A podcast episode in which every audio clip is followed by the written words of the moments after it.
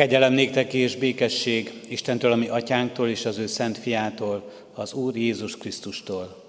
Amen. Foglaljunk helyet, testvérek! Nagy szeretettel köszöntöm a gyülekezetet családi istentiszteletünkön, és köszönöm meg, és köszöntöm a mai szolgáló csoportunkat és közösségünket, a Hajnal Csillag Tanoda kis növendékei szolgálnak közöttünk ezen az istentiszteleten. Köszönöm, hogy készültetek, köszönöm a felkészítőknek is az áldozatos munkájukat. Nyitott szívvel várjuk, fogadjuk az ő szolgálatukat. Készüljünk Isten tiszteletünkre a 208. dicséretünk éneklésével.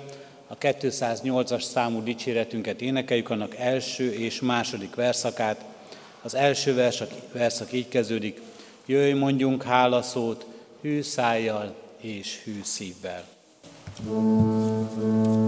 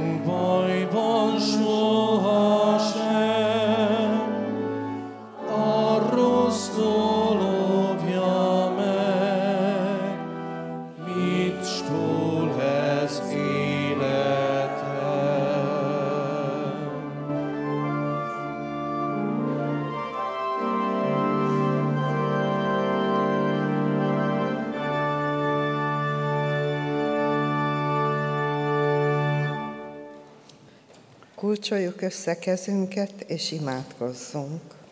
Istenünk, itt hozunk néked mindenünk, itt állunk, s várunk rád újra. Kérjük, hogy hallgass meg, hála nekünk, szent lelkeddel legyél itt velünk. Drága mennyei atyám, köszönöm néked ezt a mai alkalmat. Köszönjük, hogy együtt szolgálhatunk ezen az Isten tiszteleten. Tanodás gyerekek, felnőttek, és az itt lévő testvérek. Kérem, hogy kérlek, hogy szent lelkeddel légy itt közöttünk. Engedd, hogy mindannyian ragyogó arcodba tudjunk nézni. Fájdalmainkat gyógyítsd hatalmas szereteteddel, nézz le ránk és segíts bennünket az életben. Kérlek, hallgass meg imám a Krisztus vére által. Amen. Amen. Hallgassuk meg testvéreim Isten igét, amely szól hozzánk ezen a mai napon, ezen az Isten tiszteleten, Márk evangéliumából. Márk evangéliumának harmadik részéből hallgassuk a 20. és 21. verseket, valamint a 31. verstől a 35. versig terjedő igaz szakaszt. Az igét nyitott szívvel hallgassa a gyülekezet. Jézus rokonainak a szándéka. Azóta Jézus hazament, és ismét összegyűlt a sokaság, úgyhogy ők még enni sem tudtak emiatt. Amikor ezt meghallották a rokonai, oda mentek, hogy megfogják ők, őt, mivel azt mondták, megzavarodott. Jézus igazi rokonai. Ekkor megérkeztek anyja és testvérei, kint megállva, beküldtek hozzá, és hívták őt. Sok ember ült körülötte, és azok szóltak neki, ima anyád és testvéreid. Oda kint keresnek téged. De ő így válaszolt nekik, ki az én anyám, és kik az én testvéreim. És végignézve a körülötte ülőkön így szólt, ima az én anyám, és ima az én testvéreim. Mert aki Isten akaratát cselekszi, az az én testvérem, és az az én anyám. Isten szent lelked egye áldottál szívünkben a halott igét. Családi Isten tiszteleteinken már evangéliumát eh, vesszük végig, és folyamatosan olvassuk, és erről hallhatjuk a tanításokat. Ezen a mai családi Isten tiszteletünkön a családról lesz szó, milyen meglepő, a családról, Jézus családjáról is szó lesz. Mindenkinek, mindannyiunknak van tapasztalata, és talán bátran mondhatom, mindannyiunknak van jó és rossz tapasztalata is a családi kapcsolatok tekintetében. Nem tudom ki az, aki elgondolkozott, vagy elgondolkozik gyermekként, vagy elgondolkozott gyermekként, hogy mi lenne, ha nem oda született volna, ahova éppen született. Mi lenne, ha nem abban a korban születtünk volna, amikor megszülettünk és gyerekek voltunk? Mi lenne, ha nem ők lennének a szüleink? Talán nehéz ilyet kimondani, de bizony elállom gyerekkoromban nekem voltak ilyen gondolataim. Mi lenne, ha nem most élnék itt a 20. század végén, amikor én gyerek voltam?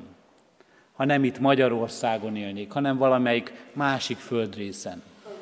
Ha a szüleim nem azok lennének, akik nem egy kis faluban nőttem volna föl, hanem valahol mondjuk egy nagyvárosban is, ilyen fantázia képek jelentek meg előttem, hogy mennyiben más, talán mennyivel izgalmasabb, mennyiben, mennyi mindenben lenne különb az életem.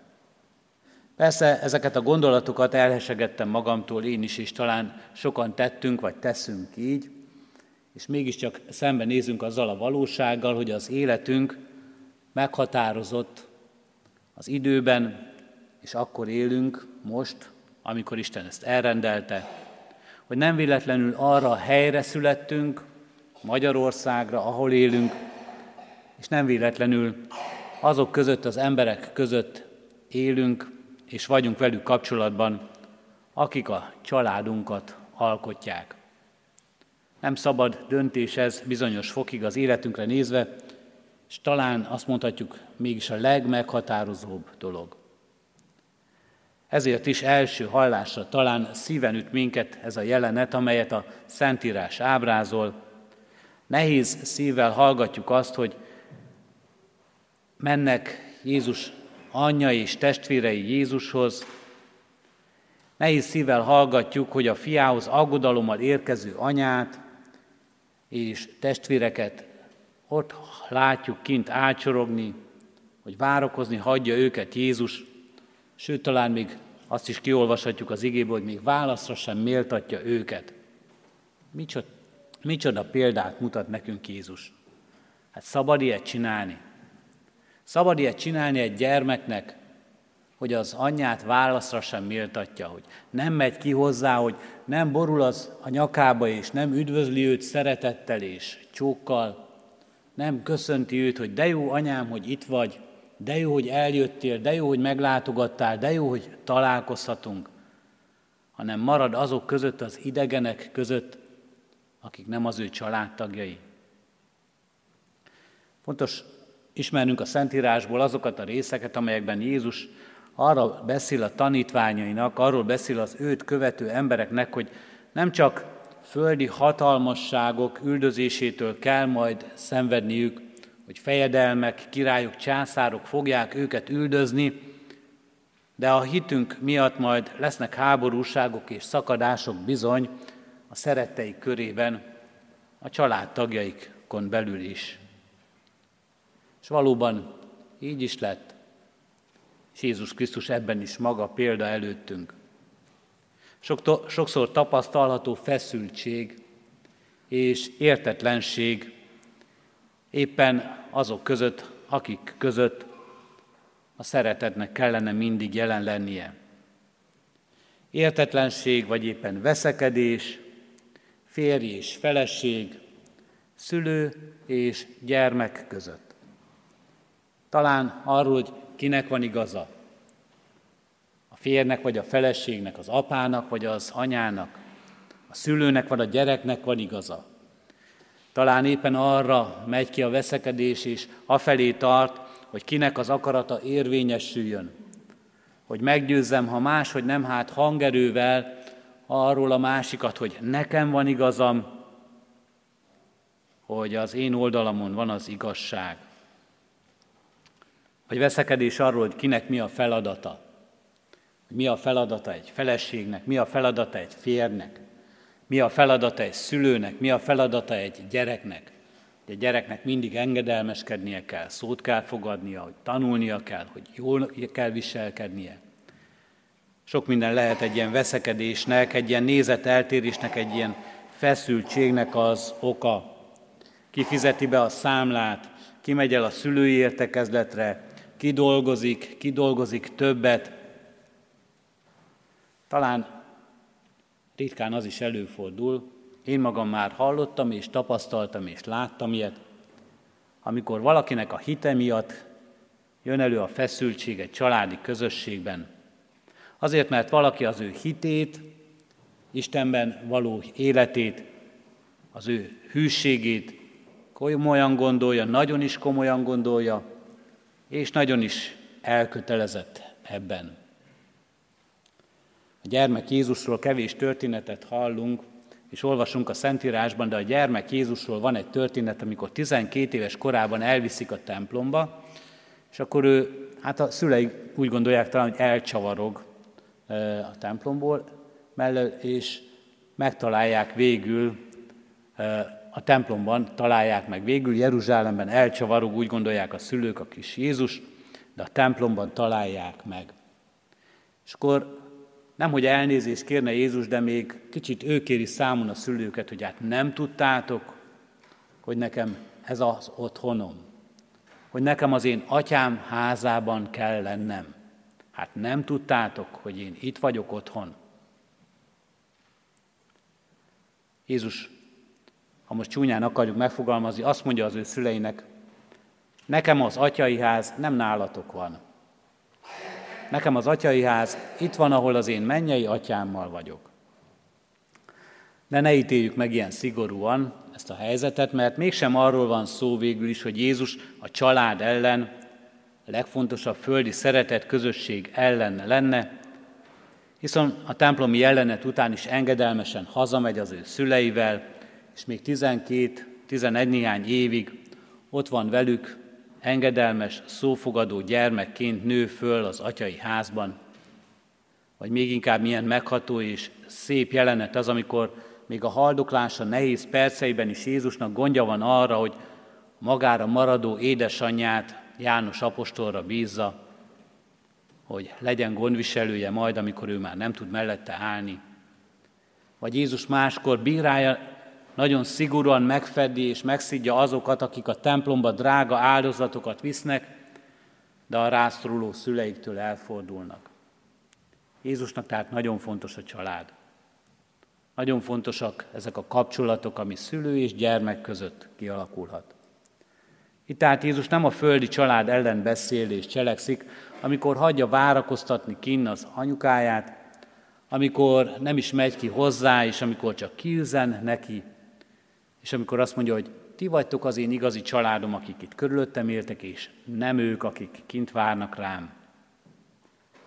Jézus nem a földi család ellen beszél, amikor így tesz, hanem arról szól, hogy ki tartozik igazán az Istenhez. Kinek lehet valóban köze Istenhez. Azért nézzük meg a szereplőket, nem csak Jézus szemszögéből, vagy nem csak Jézust lássuk ebben szereplőként, hanem ott van valóban Jézus anyja és az ő testvérei.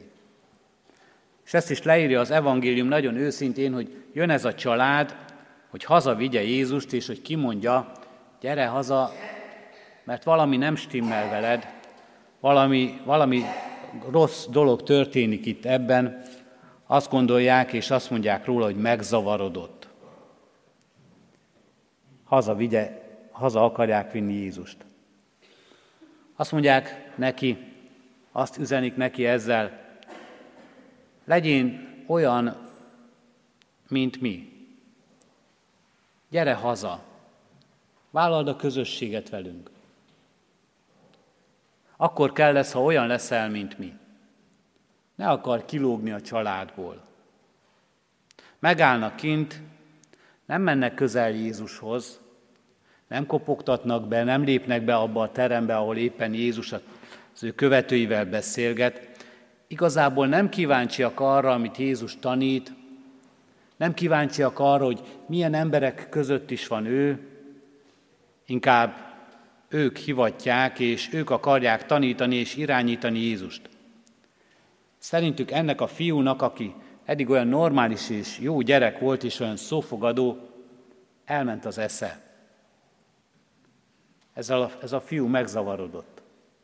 Hát kilép ebből a családból, hát nem akar olyan lenni, mint mi. Hát nem akar úgy ácsmester lenni, mint az apja volt. Hát nem akar olyan szerény, visszafogott, olyan kedves ember lenni, mint az ő anyja. Hát a testvérei milyen szépen beállnak a sorba. Az anyjuk szól nekik, kézen fogják és kísérik őt. Ez a Jézus meg különcködik. Ez a Jézus meg nem akar olyan lenni, mint mi. Hát Jézus azért jön, Jézus azért jön ebbe a világba, és úgy akar megszólítani minket, hogy ne legyünk olyanok, mint, mint úgy általában az emberek. Legyünk olyanok, mint ő. Hogy ne legyünk úgy emberek, ahogyan eddig voltunk, hanem legyünk úgy emberek, ahogyan Isten akar látni minket, hogy változzunk meg. És az emberek valóban sokszor megváltoznak, és mindannyian megváltozunk.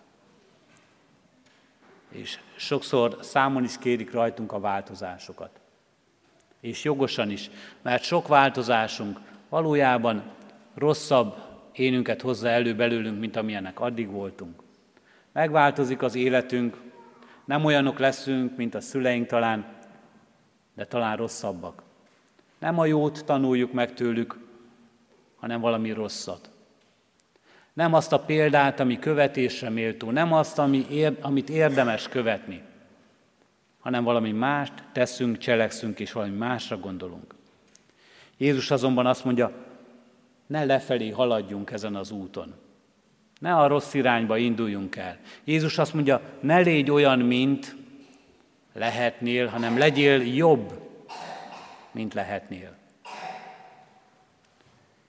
Nagyon nehéz lehet ezt egy szülőnek, nagyon nehéz lehet ezt egy nemzedéknek látni, hogy egy következő nemzedék az akár még jobb is lehet, mint én.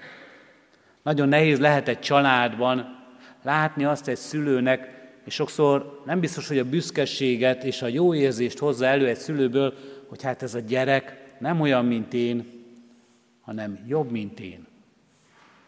Nem úgy él, mint én, nem olyan céljai vannak, mint nekem, hanem jobb céljai vannak. Nemesebb, igazabb, és szebb az élete, mint az enyém. És ilyenkor ott van óhatatlanul az az érzés, amikor ilyen valakit látunk, nem csak családban, hanem magunk között, hogy visszahúzzuk, hogy azt mondjuk, ne legyél jobb, olyan legyél, mint mi. Maradj itt közöttünk. Ne lép ki ebből a körből. Mindenki, aki ezzel harcol, mindenki, aki ebben a harcban van, arra biztatom, hogy Jézus Krisztus is azt mondja, arra hív, hogy jobbak legyünk, és mindenkit erre hív. Nem csak a gyermeket, hanem a szülőt is, a nagyszülőt is, minden embert egyen-egyenként. Ma is sokan jönnek így Jézushoz, és néha talán bennünk is ott van ez a gondolkozás, ez a lelkület. Ahogyan ott volt Jézus rokonaiban is, hogy azért ez egy kicsit túlzás, amit Jézus csinál. Jó, jó, hogy hisz Istenben. És talán mi is megkapjuk ezt. Jó, jó, hogy hiszel Istenben. Ez egy jó dolog, szép dolog, kedves dolog. De azért nem kell ezt túlzásba vinni. Legyen ez az Isten olyan, hogy kéznél van, ha kell, de azért mindenbe ne akarjon már megváltoztatni, és mindent ne akarjon már uralni az életünkben. Sokan talán ki is mondják, a szeretet az egy szép dolog, és milyen jó, hogy Jézus ezt meghirdeti, és milyen jó, hogy ezt mi elhisszük Jézusnak. Na de azért az ellenséget is szeretni, ez már egy kicsit túlzás, nem? Vagy egy ünnepi istentisztelet, az milyen szép alkalom. Na de azért, hogy minden vasárnap elmenjünk az Isten tiszteletre, az egy kicsit túlzás, nem? Sőt, még a hétköznapokon is ezzel foglalkozzunk. Azért ezt már talán nem. És jó, jó, hogy az Úristen mindenható Isten is mindig jelen van, na de azért, hogy mindenbe bele akarjon szólni, az azért egy kicsit túlzás, nem? Hát akkor hol maradok én? Szeretjük mi Istent, de azért mindenben ne akarjon beleavatkozni. Maradjon már nekünk is az életünkből valami. És maradjon már nekünk is a szeretteinkből valami. Jézus Krisztus azt mondja, és azt üzeni az ő anyjának, és az ő testvéreinek, az ő rokonainak, azoknak az embereknek, akik így gondolkoznak, hogy nem veszítitek, nem veszítetek ti el belőlem semmit. Nem veszítetek ti el abból az emberből el semmit, aki az Istenhez köti az életét, és aki az Istenre figyel. Sőt, sokkal többet kaptok vissza abból az emberből, mint előtte bármikor is kaphattatok volna. Egy sokkal több, igazabb, szebb, tartalmasabb és teljesebb életet kaptok vissza az Úristentől, ha valaki az Istennek adja az ő életét. De van itt ebben a történetben még egy másik csoport is, rájuk is tekintsünk egy rövid időre. Ez a másik csoport pedig a hallgatóság, akik ott vannak Jézus körül. Ők egy szót sem szólnak, csak hallgatnak, talán megbotránkozva néhányan közülük, hogy hát ez a Jézus, hát ott van kint az anyukája, ott vannak kint a testvérei, és nem megy ki hozzánk, talán még kellemetlenül is érzik magukat, hogy most miattunk marad itt, most inkább velünk vállal közösséget, mint az anyukájával és a családtagjaival. Van itt ez a hallgatóság is, akik ott vannak Jézus körül. Talán nem is ez a feszengés a fontos most számunkra, hogy ők hogy érezhették magukat ebben a helyzetben, hanem az, és itt is tudunk velük azonosulni leginkább, hogy ezek az emberek mennek Jézus után, követik őt. Ezek az emberek azért mennek oda, hogy hallgassák őt, mert közösségben akarnak velük, vele lenni. És ez egy nagyon fontos dolog. Azt mondják ki, Jézus, rád van szükségünk. Nálad van, szó szerint ezt mondják, az örök élet beszéde. Nálad van, és szó szerint ezt tapasztalják meg a gyógyulás, hiszen meggyógyítod a betegeinket. Nálad van, és ezt élik meg a vigasztalás, hiszen reménységet adsz a szívünkbe. Jézus pedig rájuk tekint, Jézus pedig ránk tekint, akik itt vagyunk, hogy vele közösségben legyünk, és a közelében legyünk, és azt mondja, ez az én családom. Ők tartoznak hozzám igazán. Ők azok, akik Isten akaratát cselekszik. Hát egyszerűen csak ott voltak, akkor éppen nem cselekedtek túl sokat, egyszerűen csak ott ültek Jézus körül. De ez már nem kevés. Sőt, azt mondhatjuk, ennyi elég is sokszor. Ott ülni, keresni, vele közösségben lenni, ez már a legtöbb, amit emberileg mi sokszor elvégezhetünk. A legtöbb, amit megcselekedhetünk. Keressük őt, és vele közösségben vagyunk. Nem tagadjuk meg ezt a közösséget. Nem hagyjuk el. Mindig része lesz az életünkben. Igen, ők azok, akik Jézussal vannak. Mi vagyunk azok, akik most Jézussal vagyunk. És Jézus Krisztus azt is mondja, és erre tanít minket, ahogyan majd most el fogjuk imádkozni, hogy mi atyánk. Nem az én atyámról van szó. Nem csupán a személyes kötődésről, hanem arról, hogy mi egy közösségben vagyunk, és így ebben a közösségben alkotunk mi egy atya gyermekeiként egy családot. Mi itt az Isten házában nem vendégek vagyunk, hanem gyermekek és családtagok, az Istennek gyermekei. És kik is vagyunk így mi egymás számára? Testvérek. Így is szoktuk indítani az ige hirdetést ezzel a megszólítással, hogy kedves testvérek, vagy ahogy, ahogy a tanodások mondják, tesók. Tesók vagyunk egymásnak. Jézus Krisztus azt mondja, igen, ebben családtagok vagyunk, egy közös atya gyermekei, és testvérei egymásnak. Nem vér szerinti testvérek. Talán ebben a modernebb világban, abban a világban, amelyben mi élünk, nagyon sok családban ez már élő és megtapasztalt valóság, hogy nem vér szerint kötődünk egymáshoz, más az apa, vagy más az anya egy-egy családban, vagy akár úgy él egy-egy gyermek, hogy mind a két szülő más, ilyen közösségünk is van, ami református közösségünkben is, de mégis testvérek. Mi is így vagyunk, nem emberi vér szerint, de Krisztus vére, Krisztus megváltó szeretete szerint testvérek, egymás testvérei. Van ez a mondás, hogy a barátait megválogathatja az ember, a testvéreit azonban nem. És ez erre is igaz. Mert amikor az Úristen azt mondja, hogy ő azért jött erre a világra, hogy ezt a világot váltsa meg, ezt az egész teremtett világot, akkor Isten azt mondja, úgy lesztek ti testvére, hogy én válogatlak titeket. Nem ti válogatjátok majd meg. Vele akarok Krisztusban testvér lenni, vele nem. Azt akarom, hogy őt szeresse az Isten, és őt meg azt akarom, hogy ne szeresse. Azt akarom, hogy az Isten neki megbocsássa a bűneit, neki viszont nem.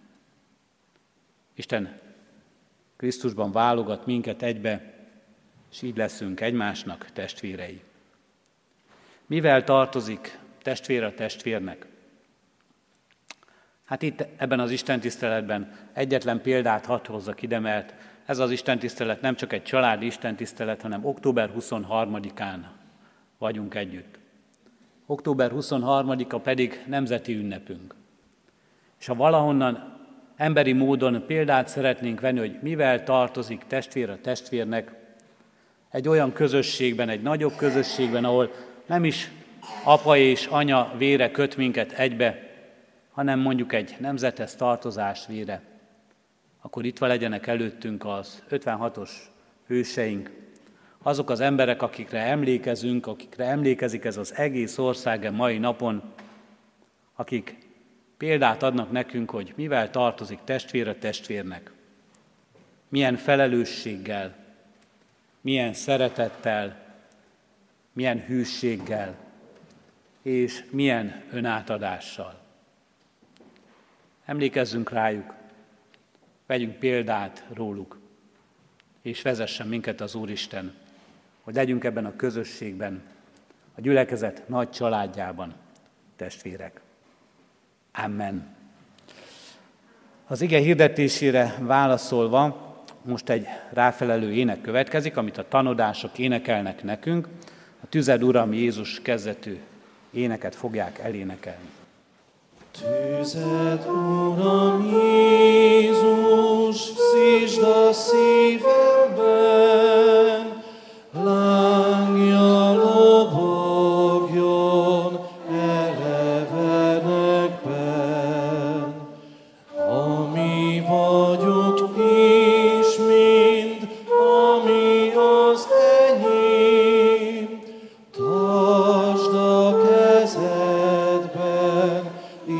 igazi helyén.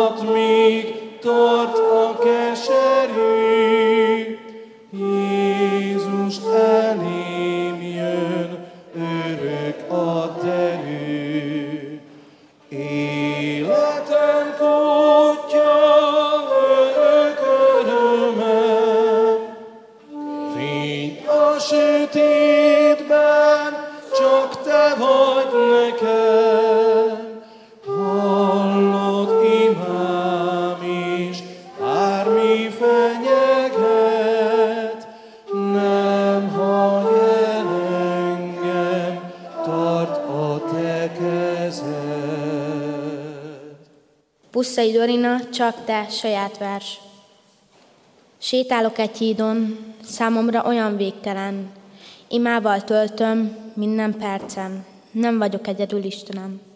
Fohászom hozzád szól, lelkem a kezedben, fájdalmas könyv, csillan fiatal szememben. Családom nincs, vagyis van, de nem találom. Üvölt a magány, s néha várom a halálom. De te Isten velem vagy, a hitben nincs hiányom. Minden gondolatom imában kitárom. Hajtsuk meg a fejünket és imádkozzunk. Drága mennyei atyám, köszönjük neked a családunkat, a nehézségei ellenére is. Köszönöm a boldog pillanatokat, amiket együtt tölthetünk. Hálás vagyok, hogy most itt lehetünk, és szolgálhatunk neked. Köszönjük, hogy a te családodba tartozhatunk, és így szolgálhatunk itt, most. Add, hogy ne a körülöttünk lévő negatív gondolatokra hallgassunk, hanem rád. Add, hogy azokat a szavakat meghalljuk, amik megfeddenek minket, hogy a helyes irányba forduljunk feléd. Köszönjük, drága mennyi atyám, hogy a te véred által egy vérből valók lehetünk. Ámen. Most pedig együtt fennállva mondjuk el az Úrtól tanult imádságot. Csánk, aki a mennyekben vagy, szenteltessék meg a te neved, jöjjön el te országod, legyen meg a te akaratod, mint a mennyben, úgy a földön is. Minden napi kenyerünket add meg nékünk ma, és bocsáss meg védkeinket, miképpen mi is megbocsátunk az ellenünk védkezőknek. És ne védj minket kísértésbe, de szabadíts meg a gonosztól, mert tiéd az ország, a hatalom és a dicsőség mindörökké. Ámen.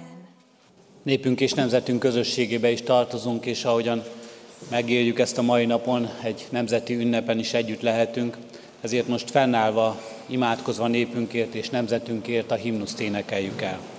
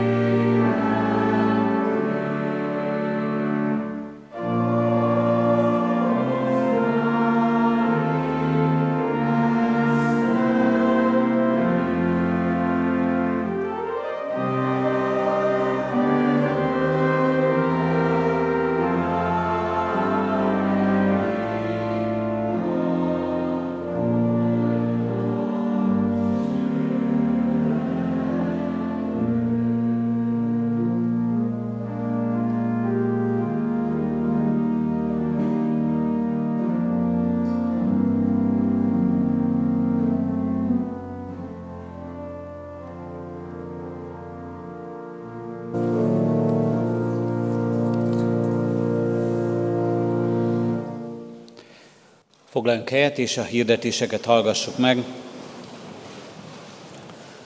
Hirdetőlapokat találhatunk a kijáratoknál, kérjük, hogy vigyen magával mindenki egy-egy példányt, erről is tájékozódhatunk majd gyülekezetünk ránk váró alkalmairól és hirdetéseiről, sokkal részletesebben, mint ahogyan ezt én most itt elmondom, és ugyanezeket a hirdetéseket az Egyházközség honlapján, az interneten is megtalálhatjuk.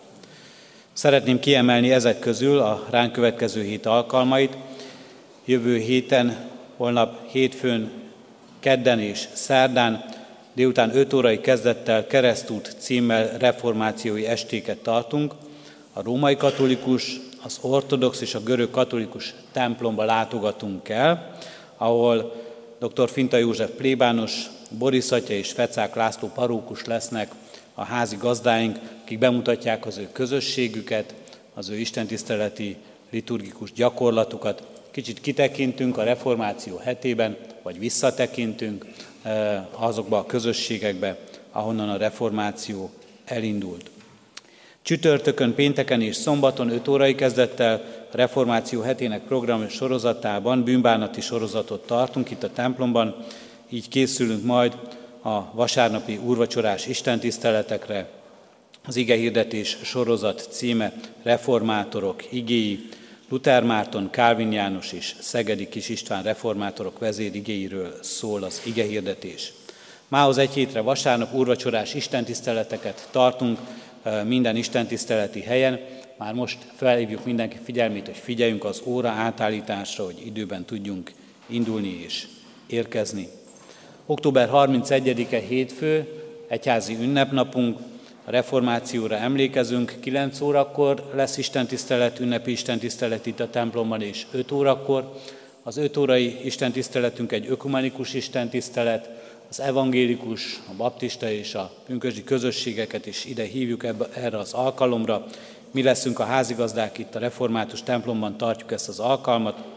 Igét hirdet az evangélikus lelkipásztor eh, testvérünk, Hajdu Smola Patrik, nemrég iktattak be a parókus lelkészítésségébe.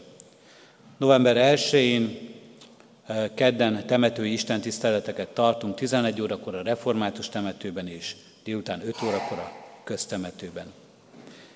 Felhívjuk a gyülekezet tagjainak figyelmét, hogy november másodikától kezdődően, tehát a hosszú hétvégét követően már egy új rend kezdődik az Isten tiszteletek alkalmait tekintetében, leginkább a helyszíneket illetően. Kérjük a testvéreket, hogy figyeljük majd ezeket a híreket. Ez a hétközi alkalmakat is érinti, és a vasárnapi istentiszteletek rendjét is.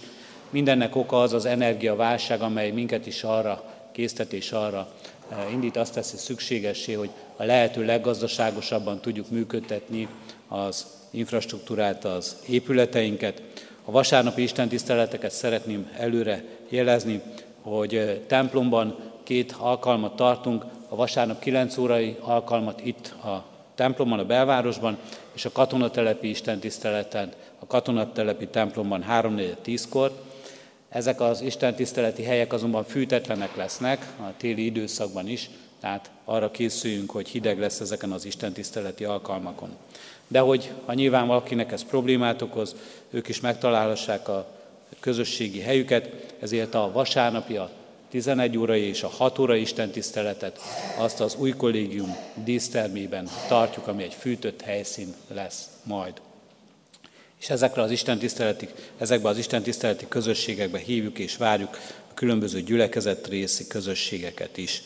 A hétközi alkalmak is van is változás lesz, kérjük a testvéreket, hogy ezt is kövessük majd nyomon a hirdetésekben, a honlapon keresztül.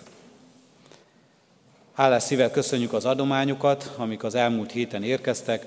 Az egyházfenntartó járulék befizetésének lehetőségére hívom fel a figyelmet, különösen is ebben a nehéz helyzetben nagy szükség van, hogy ezzel is hozzájáruljunk a közösség fenntartásához. Az elmúlt héten 1 millió 119 ezer forint érkezett egyház fenntartó járulékon keresztül. Az Emmaus javára 415 ezer forint, menekültek támogatására 137 ezer forint, szeretném hirdetni, hogy itt az úrasztal előtt található persely, ez kifejezetten a kárpátaljai menekültek megsegítését támogatja, az ebbe elhelyezett adományunkat oda juttatjuk el.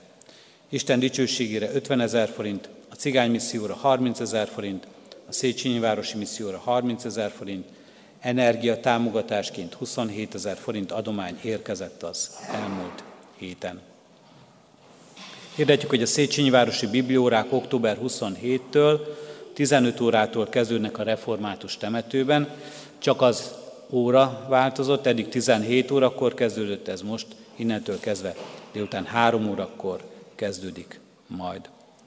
Mindazok, akik még a népszámlálási kérdőíveket online nem töltötték ki, és azt várják, hogy a számláló biztos megérkezzen otthonukba, nekik hirdetjük és őket buzdítjuk arra, hogy jelöljék be vallási felekezeti hovatartozásukat is, kérjék, hogy erre a kérdésre is szeretnének válaszolni. A hirdetőlapon olvashatunk még nyílt napokról lehetőséget a református iskola és a református gimnázium esetében, beiskolázási szülői is sor kerül, tájékozódjunk erről is. Az Úr legyen a mi gyülekezetünknek őriző pásztora, most újra a tanodások szolgálatát hallgassuk meg, majd az áldás vétele következik.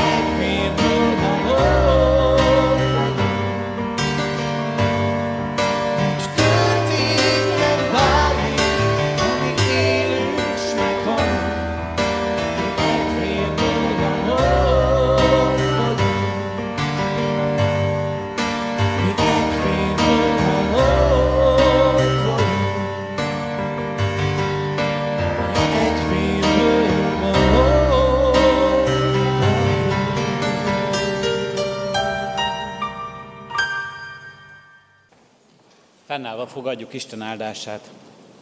Istennek népe, áldjon meg téged az Úr, és őrizzen meg téged. Világosítsa meg az Úr az ő orcáját te rajtad, és könyörüljön te rajtad.